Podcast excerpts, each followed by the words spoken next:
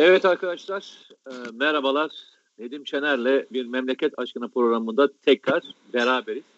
E, ben Alaska'dan, kendisi Teksas'tan bağlanıyor şu anda. Değil mi Nedim? Nedim, Nedim yine koptu bizden. Neyse Nedim gelene kadar e, ben bugün ne konuşacağımızı biraz e, anlatmaya çalışayım. Bugün konuşacağımız konu tabii ki katsa. E, yani Amerika'nın hasımlarına karşı yaptırım yasası diye geçen yani kısaca böyle e, söyleyebileceğimiz yasa e, Türkiye Cumhuriyeti Devleti'ne e, daha önce örtülü olarak yapılan ama bu sefer ismini net olarak koydukları bir şekilde önümüze geldi. Hatırlarsanız bu tür e, olayları biz kassa kapsamında olmasa da e, Rahip Brunson e, sürecinde de yaşamıştık. E, yine e, o dönemde de e, bazı bakanlarımıza karşı bu tür kısıtlamalar gelmişti. E, mal varlıklarına el koyulması ve diğer mevzular dahil olmak üzere. Bugün hayırlısı uğurlusuyla arkadaşlar kendilerini dekre ettiler. E, bugün bu konuyu birkaç konuyu iç içe geçirerek anlatmak istiyorum. Ben geçen gün YouTube'da da e, koyduğumda da aynı şeyi yaptım. Nedim Şener'in e, gayri nizami harp e, ile ilgili yazdığı yazı e, ve arkasından yaptırımlarla ilgili mevzu aslında birbirinden çok kopuk gibi gözükse de aslında birbirinin içine geçmiş konular. Hadi hep beraber gelin e, Nedim'le başlayalım. E, Nedim senden ricam böyle kısa kısa böyle beşer dakikalık fazlalarla gidelim. Peki Olur deneyeceğim. Deneyeceğim. E, e, denemez, deneyeceğim. Dene, e, denemesen tamam. ben müdahil olacağım haberin olsun. Tamam, Hadi bakalım peki. başlayalım buyur. Şimdi e, bu yaptırımlar bahsettiğin gibi aslında örtülü bir şekilde devam ediyordu. E, ama şimdi artık açığa çıktı. Bir zaman yani uzun zamandan beri daha doğrusu beraber de olduğumuz yayınlarda hep söylediğim bir cümle vardı. Yani Amerika'nın müttefikliği, müttefikliği bir düşmanlık e, halidir. Özellikle 15 Temmuz darbe girişiminden başladığı zannedilen bu düşmanlığın aslında çok daha eskiye dayandığını örnekleriyle, süreçleriyle anlatmıştık. Bugün de aslında çok farklı bir şey yapmıyor. Bu sefer tabii çok ilginç bir şekilde e, bazı kesimler küçük de olsa önce bu yaptırımlar çok az işte önemli değil falan dese de sadece bir sent yani çok küçük bir, bir ceza bile yazsa haksız hukuksuz bir ceza elbette ki ağır. Hele bir ülkenin e, savunma sanayini hedef alıyorsa, can damarını hedef alıyorsa. Şimdi bunu yapan bir NATO ülkesi e, yaptırım kararını alan ve bir başka NATO ülkesine yapıyor. Zaten Amerikalı yetkililer de yazan çizenler de ilk defa NATO içinde iki ülke birbirine yaptırım kararı uyguluyor. Uzun uzun zamandan beri söylediğim Amerika gibi bir müttefikiniz varsa düşmanına gerek yoktur sözü e, bu sefer e, kararlarla, bütün olaylarla, olgularla açığa çıkmış durumda. Ha, bu ne getirir Türkiye'ye? Elbette etkisi olacaktır, olacaktır. E, fakat e, bunun uzun süreli etkisi olmaz. Ama bu kararı sadece S-400'e bağlamak da tek başına yanlış. Çünkü burada hedef alınan Türkiye'nin e, bölgesel bir aktör olarak yaptığı operasyonları ve iradesini hedef alan bir tutum var. Yani Amerika Birleşik Devletleri diyor ki ben yönettiğim Türkiye yok artık. Kontrolden çıkmış, benim kontrolümden çıkmış. Kafkasya'da Rusya ile şey yapabilen, sorunları çözebilen, e, benim inisiyatifim dışında e, Suriye topraklarında yine Rusya ile sorunları çözebilecek diyaloglar kurabilen, Libya'da operasyon yapabilen, benim e, bana rağmen Doğu Akdeniz'e çıkıp Avrupa ülkelerine kafa tutan bir ülke var. Ya bunlar böyle değillerdi. Bu, bu, bu hani çılgın Türkler. Bunlar ne yapacakları belli olmaz. O yüzden e, biz bunlara karşı terör örgütlerini kullanalım. Kullandılar evet PKK'yı, FETÖ'yü kullandılar. İşte 15 Temmuz darbe girişiminde FETÖ'yü kullandılar. 17 Aralık'ta kullandılar. 7 Şubat MİT müsteşarı tutanma girişiminde kullandılar. Şimdi yurt dışından algı operasyonlarıyla FETÖ'yü kullanmaya devam ediyorlar konvansiyonel olarak PKK'yı kullandılar. Yani baktılar ki bununla yıkalım, bununla e, uğraşalım. Onun siyasi uzantısı HDP'yi devreye sokalım, onları destekleyelim, onların muhalefetini e, köpürtelim dediler. Bu da olmadı. E, işgal ona zaten cesaret edemezler. Yüz yıl önce bu, e, bu, bu bunun, bunun dersini aldılar bu milletten. E peki ne yapabiliriz? Elde tek bir silahları kaldı, yaptırım. O yüzden Amerika, e, Amerika Birleşik Devletleri ile birlikte Avrupa Birliği de aynı silaha sarılmak zorunda kaldı. Avrupa Birliği ne yapıyordu bize? E, müzakereler, Avrupa Birliği üyeliği, serbest vize uygulaması, e, efendim gümrük birliği gibi böyle havuç gösterme taktikleriyle Türkiye'yi belli bir e, çizgiye çekmek istiyorlardı. E, o olmadı.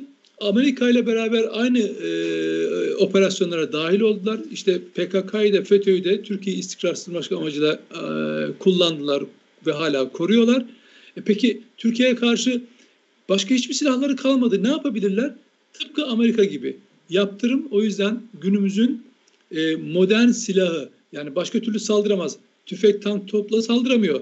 Siber saldırı yapamıyor. Türkiye güvenliğini alıyor. Siyaseten saldıramıyor. Etkisiz. Peki ne yapabilir? Ben bunların diyor önce savunma sanayini, sinir merkezlerini, sonra ekonomisine hedef alayım. Bundan sonraki adımları da ekonomi e, odaklı yaptırımlar olacaktır. Çünkü burada artık Amerika Birleşik Devletleri Türkiye'yi tamamen gözden çıkarmış, diz çöktürmeden durmayacağını zannediyor. Yani diz, bu, bu planı diz çöktürmek üzerine e, kurgulamışlar. Yıllardan beri böyle kurguladılar. E, Biden'la beraber bu planın ikinci aşamasında yaşayacağız gibi görünüyor. Ona göre de hazırlık olmak gerekiyor. Peki. Şimdi e, senin bıraktığın yerden e, şöyle topu alayım. E, birincisi e, sen yazına da yazmıştın gayri nizami harp diye yazmıştın. Evet. E, aslında gayri nizami harbin 1989 sonrası versiyonu asimetrik savaş, dördüncü nesil savaş dediğimiz versiyon. E, adı değişti. Yani geçmişteki gayri nizami harp dediğimiz e, o versiyonun e, sen e, yazında biraz daha Gladio e, bölümünü evet, yazmışsın. Ya bizi yazmışsın. çünkü o yönü bir, bir yönü oydu. Yani psikolojik harp veya diğer unsurları var. Dediğin gibi asimetrik savaş. Ama e, şey e, kamuoyunun bu, gayri nizami harp dediğin zaman son yıllarda aklında kalan hep o Gladio yapılanması. Derin e, yani bir, ama çete işte, var. E, şimdi şöyle e, oradaki gayri nizami harp dediği ikisi içinde barındırıyor ama evet. asıl e, vekalet savaşlarında kullandıkları unsurların yetiştirilmesi ve eğitilmesi. Zaten yazında bir kısmında var. onu dipnot olarak geçmişsin. E, şimdi orada söyleyeceğim şey şu. E, sen de e, ısrarla anlatıyorsun, ısrarla bahsediyorsun. Ben de aynı şeyi söylüyorum. Yani bu bugünün sorunu değil. Bazen e, şöyle bir e, kolaycılığa kaçan e, insanlar olabiliyor. E, işte yanlış politikalarla e, buraya noktaya getirdik. E peki 1963'te hangi yanlış politika vardı? 1974'te hangi yanlış politika vardı? 1990'larda yanlış ne politika vardı ki Amerika Birleşik Devletleri e, Türkiye aleyhine bütün versiyonlarını denedi. Ben sana şöyle bir şey söyleyeyim. E, çok basit anlatım anlamında herkes çok net olarak anlasın.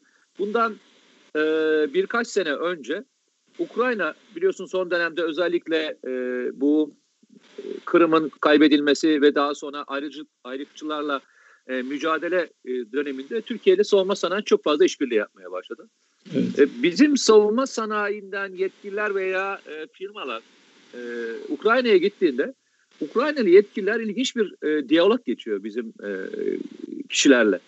Ya diyorlar ki arkadaşlar biz anlamıyoruz. Neyi anlamıyorsunuz diyorlar. Siz NATO ülkesi değil misiniz? Evet NATO ülkesiyiz. ABD NATO ülkesi değil mi? ABD NATO ülkesi. Peki bize niye şöyle bir şey söylüyorlar? Ne söylüyorlar size?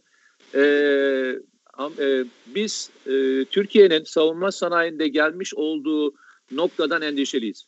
E, e ne yapalım?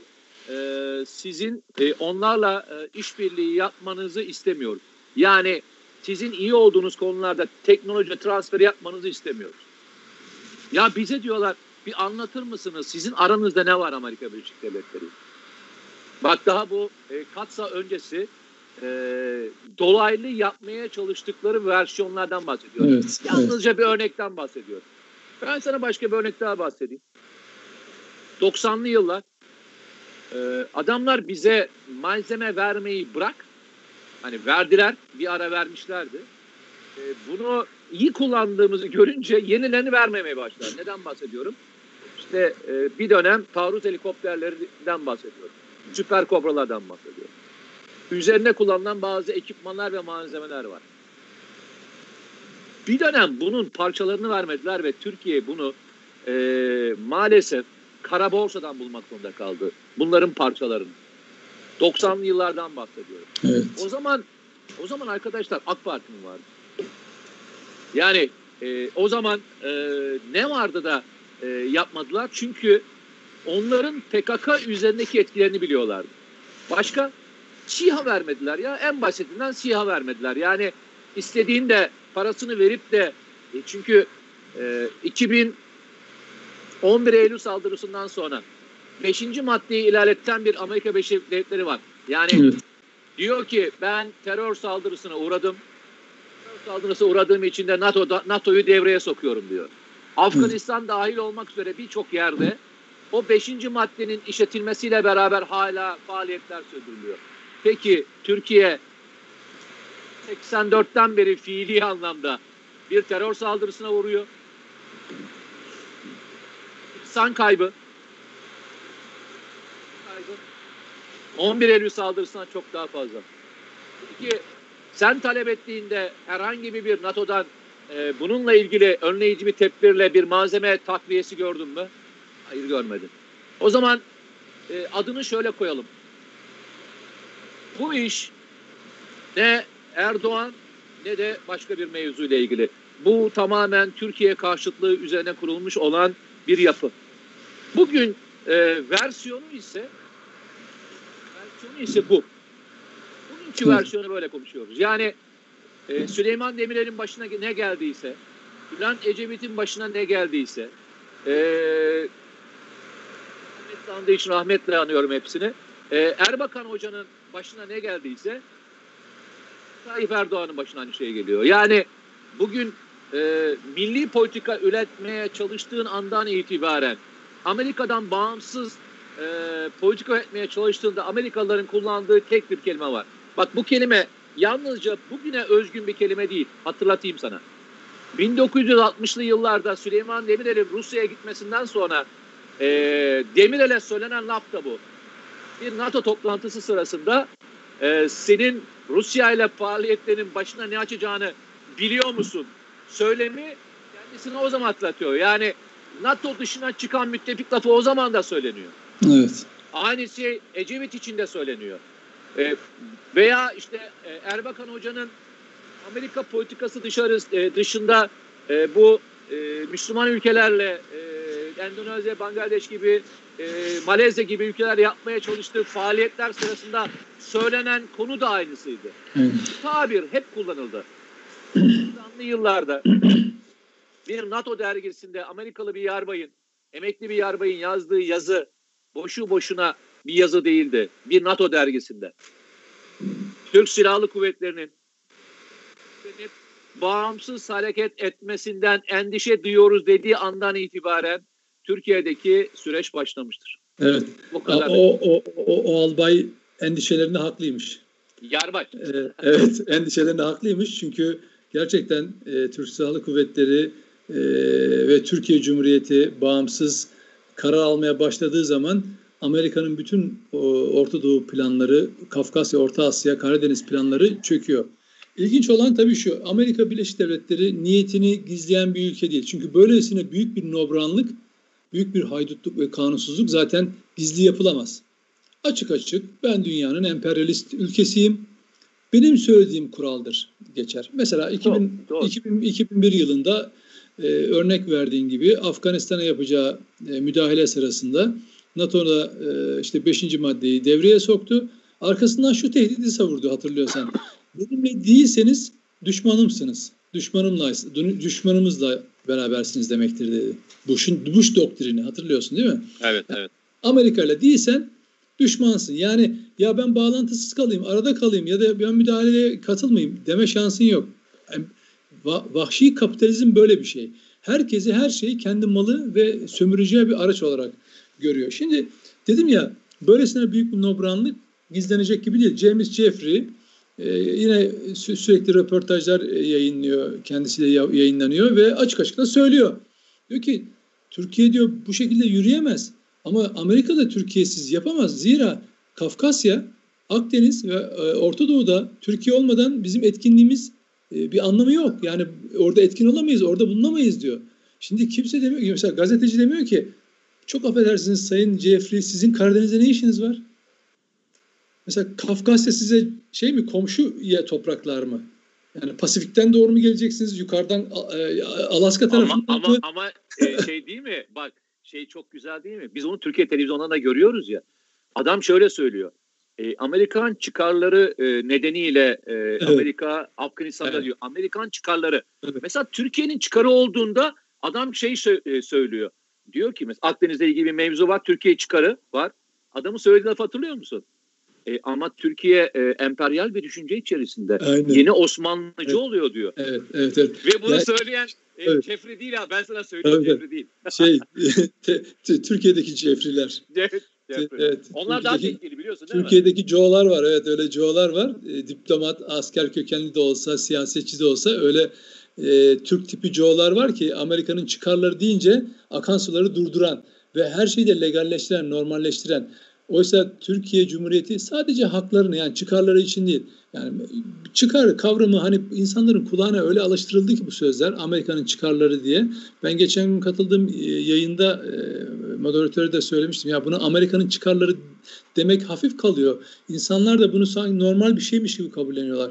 Emperyalist çıkarlar de, desek belki biraz daha uyarıcı olabilir. Ama kavram olarak baktığın zaman çıkar ne arkadaş? Yani bir ülkenin kendisinden 10 bin kilometre, 20 bin kilometre uzaktaki bir ülkeyi işgal etmesi çıkarına çok uygun olabilir.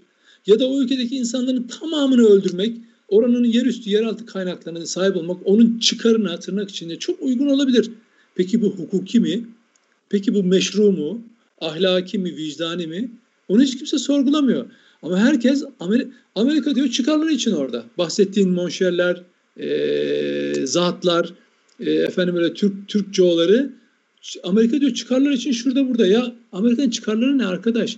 10 bin kilometre uzaktan gelip de Orta Doğu'da bir e, Irak'ta bir evi yerle bir edip onun altındaki petrolü çıkaran buradaki milyonlarca insanın kanını döken ve o kanla elde ettiği petrolle refah içinde yaşayan bir ülkenin çıkarını dillendirmek, savunmak sana mı kaldı? Ülkenin için ne söylüyorsun?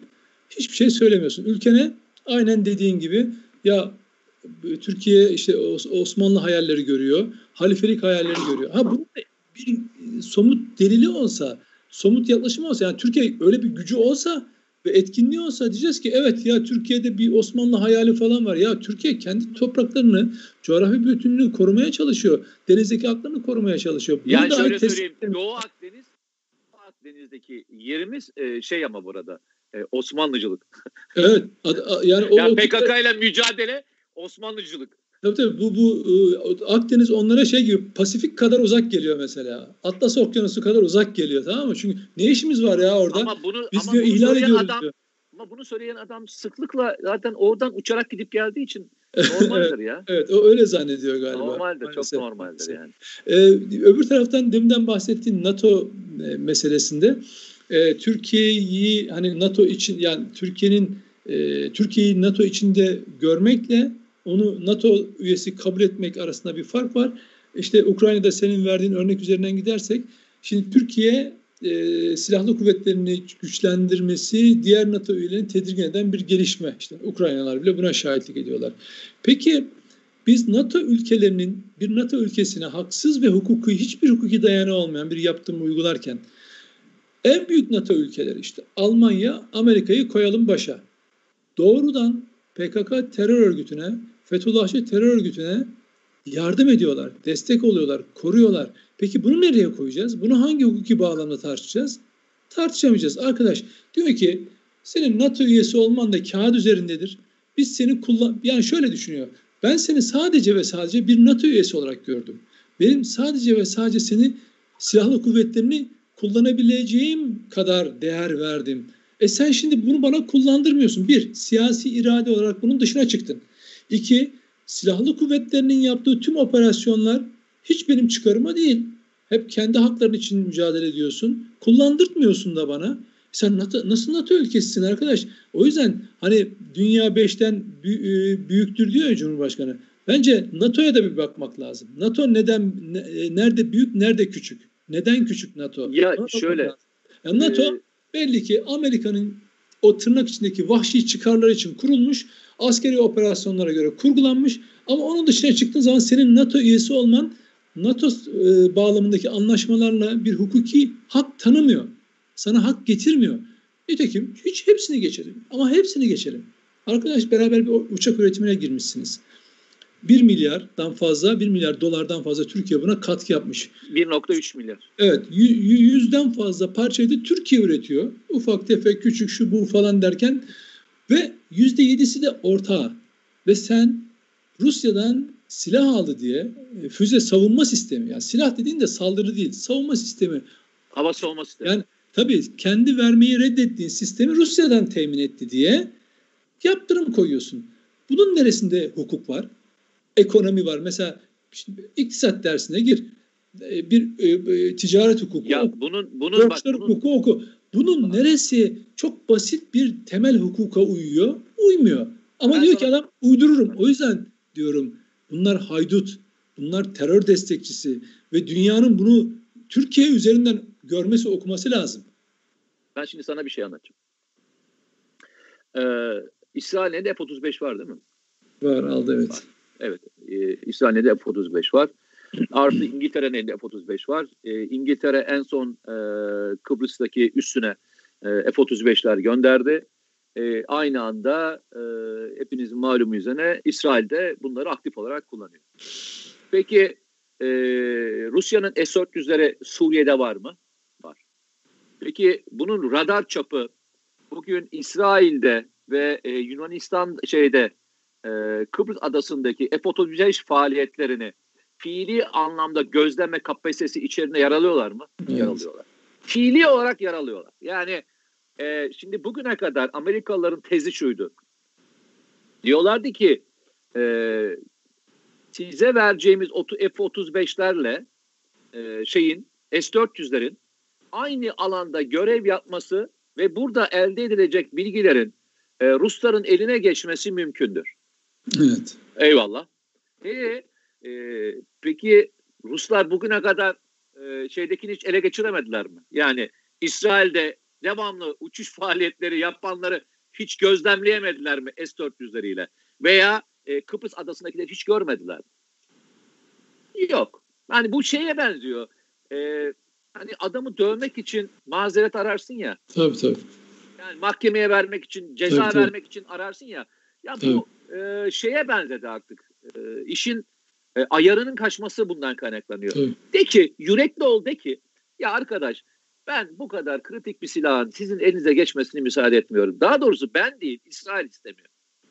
De hani var ya gel e, adamsın diyeyim. Yani adamsın ben, diyeyim. Yani, Ama e, söylediğin mazeretlerin inan bir tanesi söyledikleri mazeretlerin inan bir tanesi bunun içerisinde yok. Yok ya.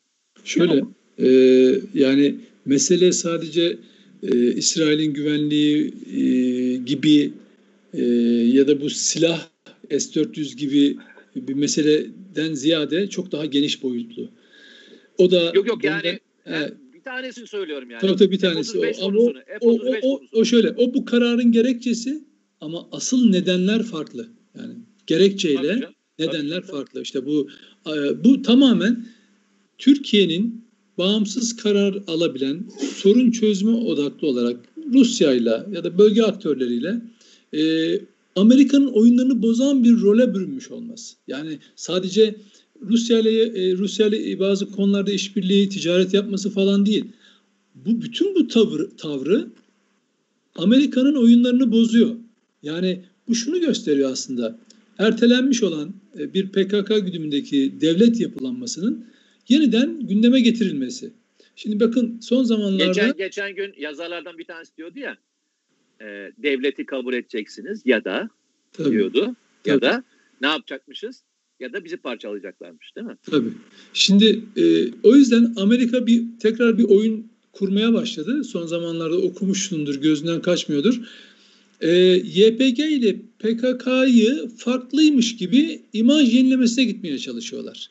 Yani bir ayrıştırma e, çalışmasına giriyorlar. Buna e, yurt dışındaki Türkçe yazan e, onlara yakın e, gazeteciler de e, çok örneklerle yer veriyorlar ve bunu propagandasını yapıyorlar. YPG ile yani örneğin e, bir yazar e, işte şeyin YPG'nin başındaki e, nedir o Müslüm Kobanevi'ydi. Var evet. PKK'lı. Onun onun oradaki bölgede nasıl hakim olduğunu anlatıyor. Ama PKK yönetiminin bildiğimiz klasik PKK ona nefes aldırmadığını ve bir çatışma içinde oldukları havasını vermeye çalışıyor. Yani ondan ayrılmış onlardan yani öyle yani mi? öyle bir hava vermeye çalışıyor. Ama Vay be. yani böyle sanki itirafçı, hani, itirafçı terörist. Ha, yok bak şöyle yazarken öyle bir yazmışlar ki ya işte diyor PKK yönetimi diyor daha sert diyor. Öteki daha alımlı diyor. Öteki Türkiye ile ilişkiler bilmem ne yapıyor falan. Ya bir pazarlama içine girmiş. Bunu yurt dışında yazan bunlara yakın çok e, şey bilinen bir gazeteci yazmış. Konu çocuklar üzerinden. PKK'nın biliyorum onu. Biliyorum. He. Aile başlayan mı? Ha işte. Ha, evet, aynen. Ama böyle böyle bir pazarlama içine girmişler. Sezilmediğini, fark edilmediğini zannediyorlar. Akıl çok akıllı olduğunu zannediyorlar. Zaten ama aptalların e, Bu arada e, en, en, linçe, en aptal kişi linçe uğradığını da söylüyor burada. Tabii ama yani o, o, o işin pazarlama kısmı. Şimdi okunmayınca, anlam verilmeyince, bir anlaşılmayınca çünkü onu niye yazdığını anlaması lazım birilerinin, anlatması lazım tekrar. Aa bak ben işte e, PKK'yı eleştirdim. E, PKK'yı e, eleştiren adamı e, görüşlerine yer verdim. Bak ben PKK'nın lincini. Yapma ya. Allah aşkına. Ama yazının içi şöyle. Kandil'i aradım. WhatsApp'tan görüştük. Ee, Şengal'deki bilmem neyle görüştüm. Ee, Kobani'yi aradım. Yazı böyle akıyor. Yani hani şey gibi PKK'nın bir üst düzey yöneticisi hani bu kadar adamla bir, bir şey aramaya kalksa falan ulaşamaz ha. Ama diyor ki onu aradım. Kandil'den şuna ulaştık. Bilmem sahadan buna bilmem ne yaptık. Ulan bu ne böyle? Yani ama içinde bir tane PKK ile ilgili terörist kelimesi geçmiyor biliyor musun bu arada? Hani ya YPG ile hani bir görüş ayrılığı, bir fikri çatışma ya da bağlam çatışması. Tabii adam adam yani veya adam veya kadın e, terörist olarak görmüyordu ki. Evet, işte onu diyorum. Hani, ya sen hani, niye böyle ya, ya, niye ütopik, ama, ütopik cevaplar istiyorsun hayır, ya? Nedir? Ya şöyle, yani gerçekten zorluyorsun bazen. Ya işte bak algı böyle yönetiliyor. Onu okuyan insanlar şöyle böyle yapıyor mesela. Diyor ki PKK diyor e, Amerika ve Avrupa Birliği kurallarına göre şey, terörist sayılıyor falan. Peki sana göre? E, yok ona göre sayılmıyor falan. Yani bunlar çok ünlü gazeteciler. Çok e, algı yaratma konusunda kendini akıllı zannediyorlar. Ama demek istediğim şey şu. PKK ile YPG'yi Amerika, bunlar Amerikan ajantaları ayrıymış gibi göstermek için ellerinden geleni yapıyorlar. Hatta öyle ki sanal çatışma yaşıyormuşçasına yazılarda yazabiliyorlar. Yani böyle çatışma ortamı varmış sanki aralarında. Ya ama bu arada e, WhatsApp'tan yazıyorlar yani. yani tabii tabii yazıyorlar yani. Çok yani ama o oyun, ama. oyun öyle kurgular. Şimdi Amerika o yüzden ertelediği bu terör devleti yapılanması fikrinden vazgeçmemiş. Onu belli. Trump bu kadar erteledi ya da belli bir noktaya getirdi. Ama oyun şöyle oynanıyor. Jeffrey diyor ki biz diyor Suriye'den e, asker çıkarttığımız konusunda şeye e, Trump'a yalan söyledik diyor. O 200 tane askerimiz kaldı zannediyor ama daha fazla vardı falan diyor. Bu tamamen bir yalan. O günkü yönetimi kurtarmak için yapılan son basın manipülasyon şeyleri. Hani bu sıvama var ya sıvama yapıyorlar. Çatlak ortalığı para parça ettiler. Sıvıyorlar şimdi ortalığı. Yani böyle yaraları böyle işte öyle gelecek döneme bırakıyorlar. Gelecek dönem ne alıyor? İşte gelecek dönem şunu alıyor. Oradaki bu terör yapılanması gücü büyütülecek. Ee, ve Türkiye'nin başına bela edilecek. Zira Türkiye, Amerika Birleşik Devletleri Orta Doğu'da Türkiye ordusunu, Türk ordusunu tetikçi olarak kullanmak istiyor.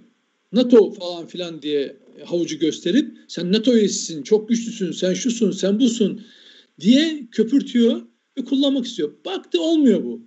Çünkü ulusal politikalara ciddi şekilde Türkiye sarılmış. Kendi ulusal menfaatleri dışında hiçbir şey yapmıyor. Teknolojiyi etkili kullanıyor. Zayiatı yok denecek kadar aza indirmiş ve sonuç alıyor. Peki ne yapması lazım? Bir, iki şey yapacak. Bir, madem öyle Türkiye'yi istikrarsızlaştıracağım ve bunun içinde bir alan hakimiyeti kazanacak. Türkiye'yi içine alan. O da terör devleti yapılanması. Yani sahada bir, o grupları büyütüp etkileş, etkili hale getirip hatta çok daha etkili silahlarla donatıp Türkiye'ye karşı bir güç haline getirecek. Ve bu güç, bu güç Türkiye ordusu, Türk ordusundan beklenen görevi ifade edecek. Nerede yaptı bunu? Mesela bir denemesi oldu bunun küçük denemesi. Başarısız oldu. Mesela Ermenistan. Azerbaycan toprak Azerbaycan topraklarını geri alma mücadelesi verdiğinde Ermenistan ordusunun içinden biz YPG'li PKK'lıları gördük. Ha adam Orta Doğu'da kullanabileceği tetikçi paralı uşaklarını buldu. Şimdi bunu güçlendirmesi lazım. Şimdi bize şöyle geliyor. Ya bir, iki yıl, üç yıl, beş yıl falan filan. Zannediyoruz ki biz bir başkanın ömrüyle bu işler oluyor, bitiyor falan. Hayır, Amerika öyle oynamıyor oyunu. Amerika haritayı koyuyor. Biz hala neyi konuşuyoruz? 2000'lerin başında değil mi Mete? 2000'lerin başında e, Pentagon'da hazırlanmış bir haritadan bahsederiz. Habire döner döner ona atıf yaparız. Orta Doğu'da 22 tane farklı yine devletin kurulacağı bir haritaya döner yapar, döner konuşuruz. Yok 22 farklı devlette müdahale. Ha müdahale. Şimdi bu müdahale fikrinden hiç vazgeçti mi? Bütün bu aradan, aradan geçen 30 yıl içinde neredeyse 20 Yok, yıl içinde hayır. vazgeçmedi. Oradakilerin birçoğu da oldu mu? Oldu. E şimdi yavaş yavaş Orta Doğu'da farklı bir safhaya geçecek. Orada bir alan hakimiyetiyle bir toprak kazandıracak. Bunu üst olarak düşün. Yani şöyle düşün. Türkiye coğrafyası onlar için hangi anlamı taşıyor? Akdeniz, Karadeniz, Ege gibi değil mi? Şimdi ne yapıyor? Kafkaslar, Adam, Orta Doğu'nun Kafkaslar. tam büyük tabii, bir şey. Tam oraya oraya entegre, oraya yakın İran tam Türkiye sınırının içinde o bölgede böyle bir ur gibi bir yapı oluşturmak için elinden gelemeyecek. Ha bunun bunun vakti 10 yıl, 20 yıl, 30 yıl emperyalizmin yaşıyor. Emperyalizm öyle ilerliyor. Emperyalizm sürekli büyüyor, kendini büyütüyor. Yaşlanıp ölmüyor, yok olmuyor. O güç, bu emperyal güç eski zamanlarda krallarda, imparatorluklarda, şimdi Amerika'da veya Avrupa gibi ülkelerin elinde ve onların elinde şimdi büyüyor. Birkaç yüzyıldan beri onların elinde bu iş yürüyor. Dolayısıyla bu süreçte bizim yapacağımız şey nedir diye uzattım mı özür dilerim. İsterseniz ne yapmamız lazım kısmına. Onu en sona en sona bırakalım. Tamam, buyur o zaman en sana bırakayım burada. Okey. Yani yok güzel gidiyordun kesmedim. Ee, bütünley, bütünleyiciyi korudum. Ee, şöyle söyleyeyim. Yani benim hani e, senin e, yazından önce de ben birkaç defa bu konuyla ilgili e, konuşma yapmıştım. E, o yüzden çok önemsiyorum yazını. E, tarihe not düştüğün için de gayet, çok e, gayet önemli aslında diyorsun. E, gayri nizami harp. Çünkü evet, hani, evet, çok önemli. E, şöyle e, artık bunun adı gayri nizami harp değil artık bunun adı asimetrik savaş.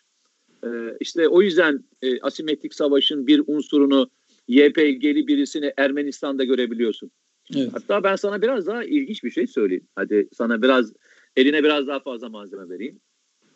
E, Blackwater dahil olmak üzere özel askeri şirketler 2000'li e, yılların ortasından beri yani 2004-2005'ten beri e, kendi unsurlarında Afganistan, Pakistan, e, bazı Afrika ülkelerinde ve bazı Orta Doğu ülkelerinde PKK'lı teröristleri kullanıyorlar eleman olarak.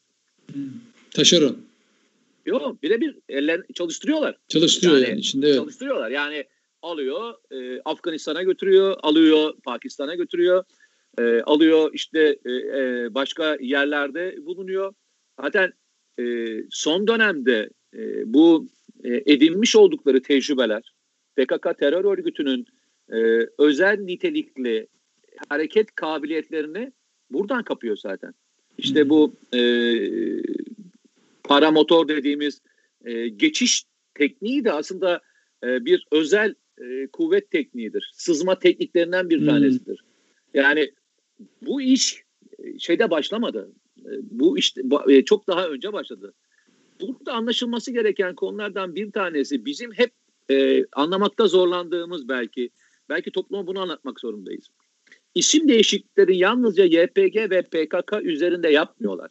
Aynı zamanda projeyi e, başka bir versiyonuyla tekrar e, hayata geçiriyorlar.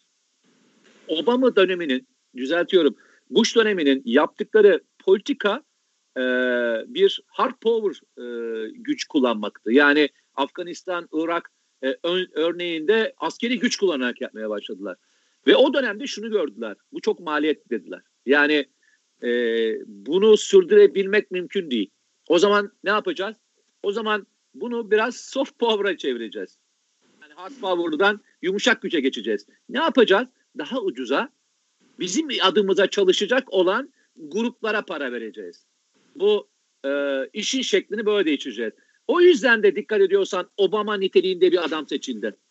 Çünkü Obama geldiğinde ne söyledi? Dedi ki ben de yani e, ben Bush döneminin yaptığı hiçbir hata yapmayacağım. Dedi. Vay be. Ama e, o kendi hatalarını yapmak üzere gelmiş demek ki. Yok hiç öyle değil. Bu bir, bir makyajdı. Ve Bush'un e, savunma bakanını kendi kabinesinde görevlendirdi. İlk yaptığı hareket buydu. Hmm. İlk yaptığı hareket şuydu. Dedi ki hatırlıyor musun bir kararname imzaladı. Kararname şununla ilgiliydi. Bu e, Afganistan'dan ve Pakistan'dan hani kaçırılıp e, adaya götürdükleri Küba'daki Guantanamo'ya Guantanamo'ya götürdükleri yerle ilgili bir ilk yaptığı iş odur. Evet. İlk bir imzala dedi ne, neydi biliyor musunuz? Burada görev yapmış olanların burada görev yapmış olanların geçmişte e, bunlara emir verildiği için yargılanmasının önüne geçen bir önce bir kararname yazdı. İkinci şey neydi biliyor musun? Buranın kapatılması ile ilgili. Tarih e, Obama'nın iktidara geldiği tarih 2008'di. Bugün 2020. Ada, adada şey kapatıldı mı? Ada kapatıldı mı? Evet yok hayır. Aradan tam 12 yıl geçti ve ada fiili olarak aynı şekilde e, yapmaya devam ediyor. Düşünebiliyor musunuz? Dünya üzerinde bir ada var. Tabii. Dünya üzerinde bir ada var. Yani daha doğrusu dünya üzerinde ada var da adanın içinde o ülkeye ait olmayan insanlar başka ülkelerden kaçırılıp getiriliyor. İşkence yaptıklarını kabul ediliyor. Ediyorlar. Bunu yayınlıyorlar da. Ve hiçbir şekilde mahkemenin önüne çıkartılmıyor. Bana söylesene. E, bu o kadar göz önündeyken Obama için kim demokrat diyebilir? Suriye, DAEŞ, e, Libya, e, e, arkasından yaşanan bütün süreçler e, Obama döneminde yaşanmadı mı? Yani o e, devrimler dedikleri, Arap Baharı dedikleri dönem Obama döneminin eseri değil mi? Ya şimdi e, ama ama baktığında ama baktığında Türkiye'de bir kesim e, Obama ile ilgili şöyle e, konuşmalar yapar. Ama Obama çok demokrattı. E, ama Obama zaten Demokrat Parti'dendi. Ya ben de diyorum ki arkadaşlar ya siz e, başka bir e, evrende yaşıyorsunuz ya da biz bu evrende yaşamıyoruz. Obama'nın döneminde e, yaşanan bu olayların durumu inanılmazdır. İnanılmazdır. E, Sisi e, darbesi dahil olmak üzere. Hani darbeye karşılardan çok demokratlardı. Hani e, Esad'ın e, işte soykırımına karşılardı. Hani e, kimyasal silah kullanmıştı onu önleyeceklerdi. Hani e, DAEŞ, e, DAEŞ gibi bir örgütün çıkmasına asla müsaade etmeyeceklerdi. Bunların her biri Obama döneminin yani bugün ge, ge, başkan olan Biden'ın başkan yardımcısı olduğu dönemin e, pozisyonları. Arkadaşlar Amerika asla bir projeden vazgeçmez. Projesini, projesini makyajlar. Makyajlar. O yüzden YPG modeli başka versiyonlarıyla önümüze gelecek. YPG'nin başka bir versiyonu da açıkça söyleyelim. YPG biraz daha geriye çekilmiş. E, az e, profilden düşürülmüş. Çünkü neden? Çünkü PKK'nın 2021 yılı içerisinde artık Türkiye'ye bir tehdit oluşturmayacak potansiyeli olduğunu Amerikalılar da görüyorlar. Artık vekalet e, savaşı yapma kabiliyetini PKK kaybetti. Kaybettikten sonra Amerika'nın veya e, diğerlerinin Türkiye'de vekalet savaşı yapacak olan başka bir unsura ihtiyacı var. O da ne evet. biliyor musun? O da senin çok yazdığın bir şeydi. Türkiye'de kendi etki ajanlarını geçmişte olduğu gibi çoğaltacakları Tabii. başka bir e, oluşuma ihtiyaçları evet. var. Evet. Bu e, gayri nizami harp deyince insanlar her defasında silahlı bir potansiyeli düşünüyorlar. Ah, ha, değil. Gayri nizami harp dediğiniz şey içinde e, sosyal medyasını da, içinde e, psikolojik harbine, içinde etki ajanlığını da, içinde farklı farklı yani e, senin anlattığın o e, ekonomik saldırıları da, ambargoları da içinde barındıran bir şeydir, pakettir. Tabii. Tabii. nizamiyat budur. Tabii. Yalnızca silahlı gruplar eğitilmez gayri nizami harp personeli tarafından. Tabii. Muhalefet edecek unsurlar yetiştirilir. Bak tabir böyledir. Evet. Gayri nizami harbin unsurunun tabiri şudur. Kendi menfaatlerini oluşturacak, teşkitlendirecek muhalif grupları eğitmektir. Grupları eğitmektir. Bu muhalefet anlamında söylemiyorum. Evet. Muhalif grupları eğitmektir. Bunu parayla getirirsiniz, kurarsınız. Parayla gelip adam satın alırsınız. Bu da gayri nizami harp dediğimiz harbin birinci önceliklerinden bir tanesidir. Bunu çok net olarak anlatalım ki Evet, insanlar gayri nizami harbi yalnızca PKK terör üzerin e, terör örgütü üzerine algılamasınlar. Yani şimdi şöyle zaten e, o benim e, hürriyetteki gayri nizami harp Amerika buna Pentagon bütçesinden para ayırmış ve müttefikler ve işbirlikçiler arıyor diye yazmamın nedeni oydu. Zaten o bu konuda yayınladıkları kitapçıkta, tanıtım kitapçığında yani gayri nizami harpla ilgili kitapçıkta şöyle bir tanım yapıyorlar. Dediğin gibi silahtan, füzeden, bombadan falan bahsetmiyor. Gayri nizami harp tanım olarak ülkelerin halklarını etki altına almak ve meşruiyet algısını değiştirmek amacıyla devlet ve devlet dışı aktörler arasındaki mücadele anlamına gelmektedir. Bak, ülkelerin halkları etki altına alınacak, siz, meşru olarak sizin bildiğiniz ne varsa bu algıda değiştirilecek. Yani haklı haksız hale getirilecek. Doğru yanlışa çevrilecek. İtibarlı Hak- hak- itibarsızlaştırılacak. Hak, hak, hak, haksız olacak. Zaten haksız olacak. algı o gayri nizami harbin harbin geldiği yeni versiyon bu. Yoksa mesela suikast, sabotaj gibi e, asimetrik savaş e, gibi kaçırma gibi yani halk üzerinde korku, kaygı yani bir anlamda terör örgütlerinin yaptığı faaliyetler bunlar. Onların yarattığı etki hem sınırlı hem de reaksiyon doğuruyor. Ama siz tam bu Amerika'nın 2020 kitapçığında yani benim gazetede yayınladığım kapağında yayınladığım kitapçıkta anlatıldığı gibi gayri nizami harp tanım olarak ülkelerin halklarını etki altına almak ve meşruiyet algısını değiştirmek amacıyla devletle ve devlet dışı aktörler arasındaki mücadele anlamına gelmektedir. Yani biz diyor bir devleti hedef aldığımızda o o devletin içindeki halkın e, algısını değiştireceğiz. Ne yapacağız? Meşruiyet Mesela şöyle şöyle kelimeler kullanacaksın. Bak söyleyeyim sana. Hangi kelimeler kullanacağını söyleyeyim. Mesela şunu söyleyeceksin. E, damadın siyası diyeceksin. Aynen böyle. Bak aynen çok güzel bir örnek. Damadın siyası diyeceksin. Aynen örnek bu. Aynen işte damadın sihası, ihası diyeceksin.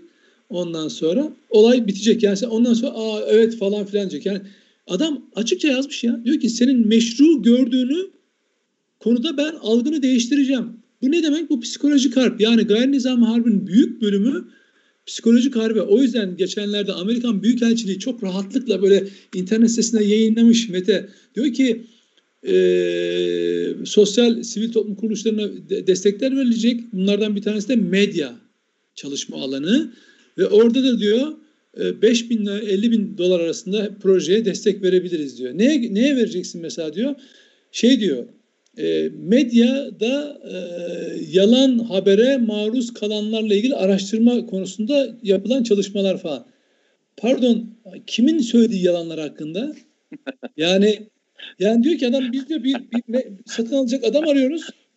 İnsanlara Bunu, bunun içinde bunun içinde kılıf bulduk. Ha bu işte ya bu ya diyor ki parasını vereceğim diyor. Bana ajanlık yapacaksın. Sen diyor bu ülkedeki değerleri sarsacaksın. O yüzden hatalar var mı? Vardır. Ama Kızılay'a, AFAD'a, devlet kurumlarına, güvenlik kurumlarına, bekçilere kadar bak, bekçilere kadar hep algı çalışması.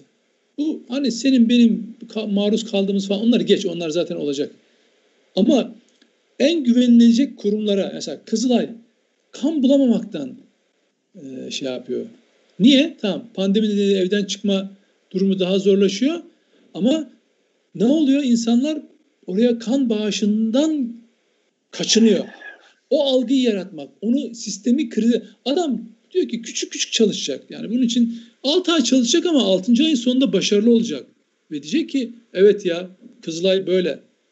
İnsanların canını kurtarmaktan başka bir şey yapmayan AFAD. İşte AFAD şöyle böyle falan filan. İşte şu kararı yayınladı bunu yaptı falan filan değil mi?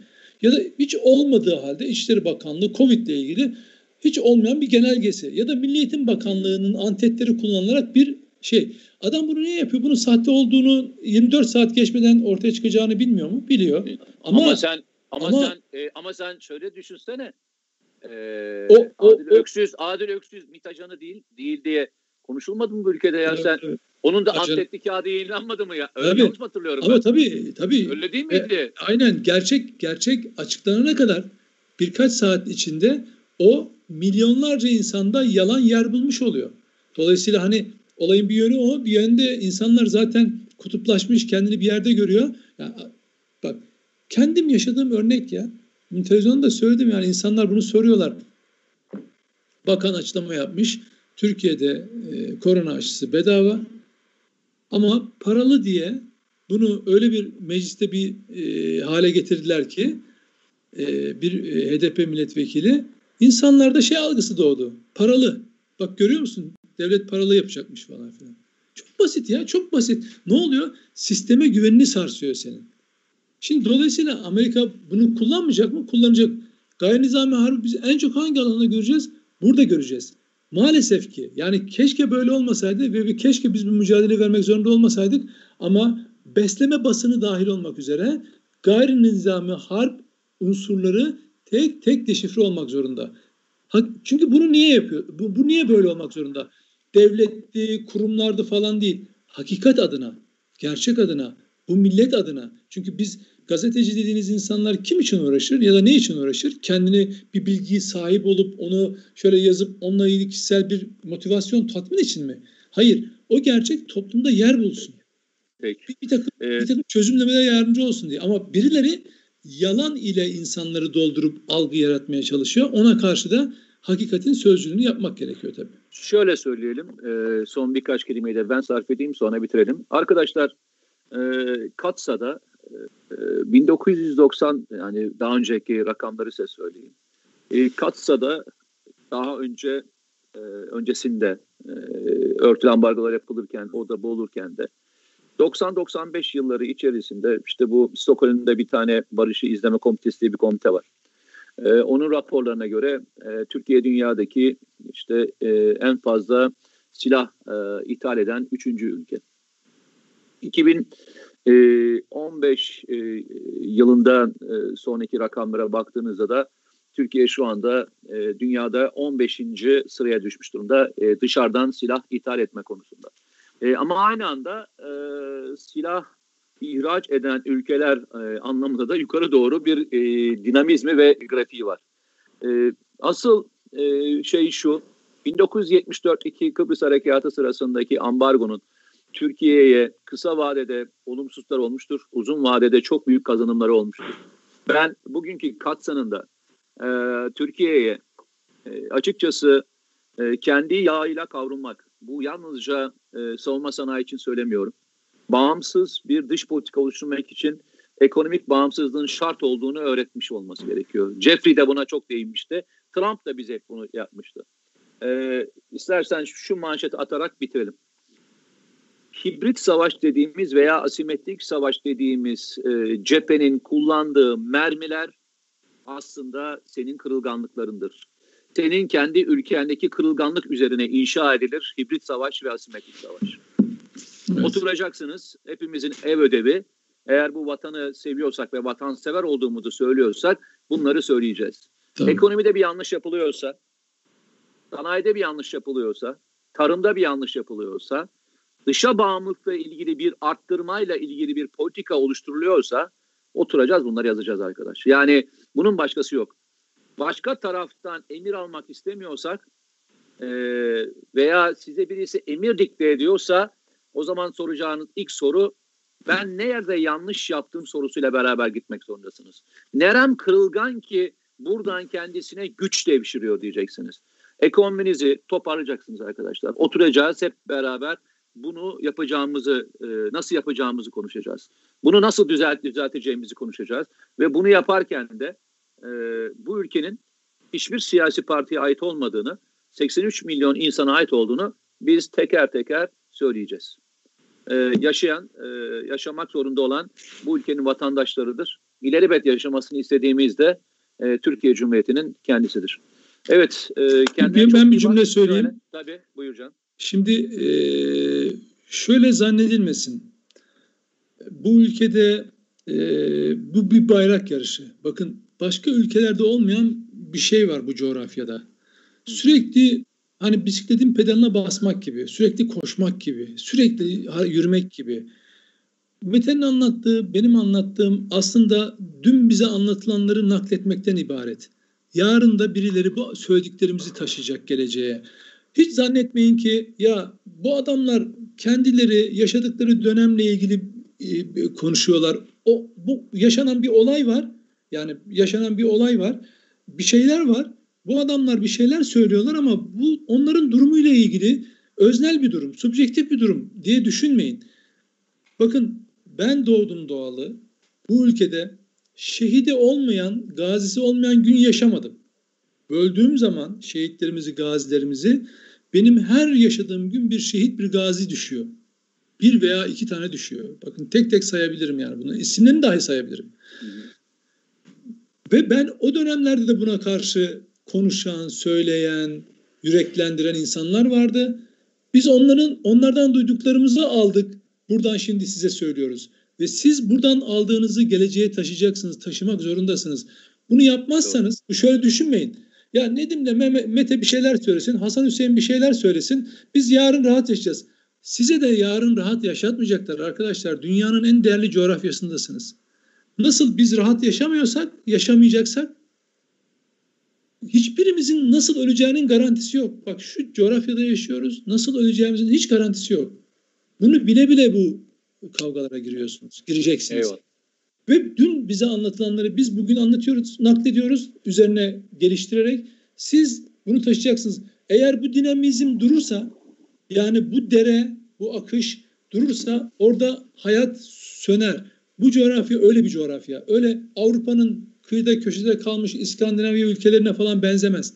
Burada durduğunuz an, burada uyuduğunuz an yani su uyur düşman uyumaz sözü hangi coğrafyada var arkadaş? Yok.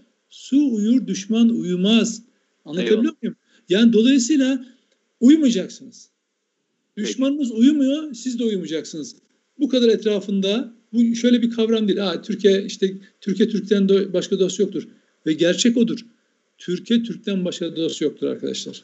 İngiliz meclisinin geçen gün birisi yazmış. E, doğru mu diye e, teyit ettirmedim ama muhtemelen doğrudur. Yazan kişi e, güvenilir bir kişiydi. İngiliz meclisinin e, girişinde şöyle bir şey var. Mış. İngiltere'nin e, dostları yoktur. E, İngiltere'nin e, milli çıkarları vardır. Tabii. Yani şeye şeye deminden söylediğim e, konuşmaya bir cümle ekleyeyim. Hani Peki. böyle bir coğrafyada bu coğrafyada e, eğer koşmazsanız e, sizi alırlar, yok Eyvallah. ederler. Burası öyle bir coğrafya. Enerjisi bol bir coğrafya. Şey gibi düşünün. Ya mesela tropikal bölgelerde veya e, şeyde e, Güney Asya'da bir ülke ismi söyleyelim. Mesela Endonezya. Ya sürekli şemsiye kullanmak zorunda kalıyorum. Bu nasıl bir yer falan filan. Arkadaş o coğrafyanın şeyi bu. Getirisi Eyvallah. bu. Ya da Afrika'nın ortasında ya arkadaş insan şöyle bir kazak giymek istiyor falan diyebilir misin? Hayır. Orada da ince giymek zorundasın. Coğrafyanın getirisi bu. Şöyle bir algıya düşmesin insanlar. Ya biz Avrupa ülkesiyiz, biz şöyle ülkeyiz, böyle ülkeyiz. Hayır arkadaş. Baş, en üstten en alta kadar. Türkiye Cumhuriyeti vatandaşıyız ve bu coğrafyadaki bütün kaderi ortak paylaşacağız. Peki. Paylaşacağız. Birileri paylaşmak istemeyip oralara göç etmek isteyebilir. O leyleklere bir şey söylemem göçmen kuşlara. Ama Eyvallah. bu coğrafyada yaşayıp buraya sahip çıkacaksan buranın kaderini paylaşacaksın herkese beraber. Peki. Teşekkür ediyorum. Arkadaşlar e, ben de teşekkür ediyorum. E, desteğiniz için çok teşekkür ediyoruz. Memleket aşkına tüm hızıyla devam edecek inşallah. Ama sizin desteklerinizle e, abone olmayı unutmayın. E, Süper Haber'e e, lütfen beğeni tuşuna da basmayı unutmayın. Sizin katkınız, sizden istediğimiz tek şey izlemeniz ve izlettirmeniz. Kendinize iyi bakın. Görüşmek üzere diyorum. Görüşürüz.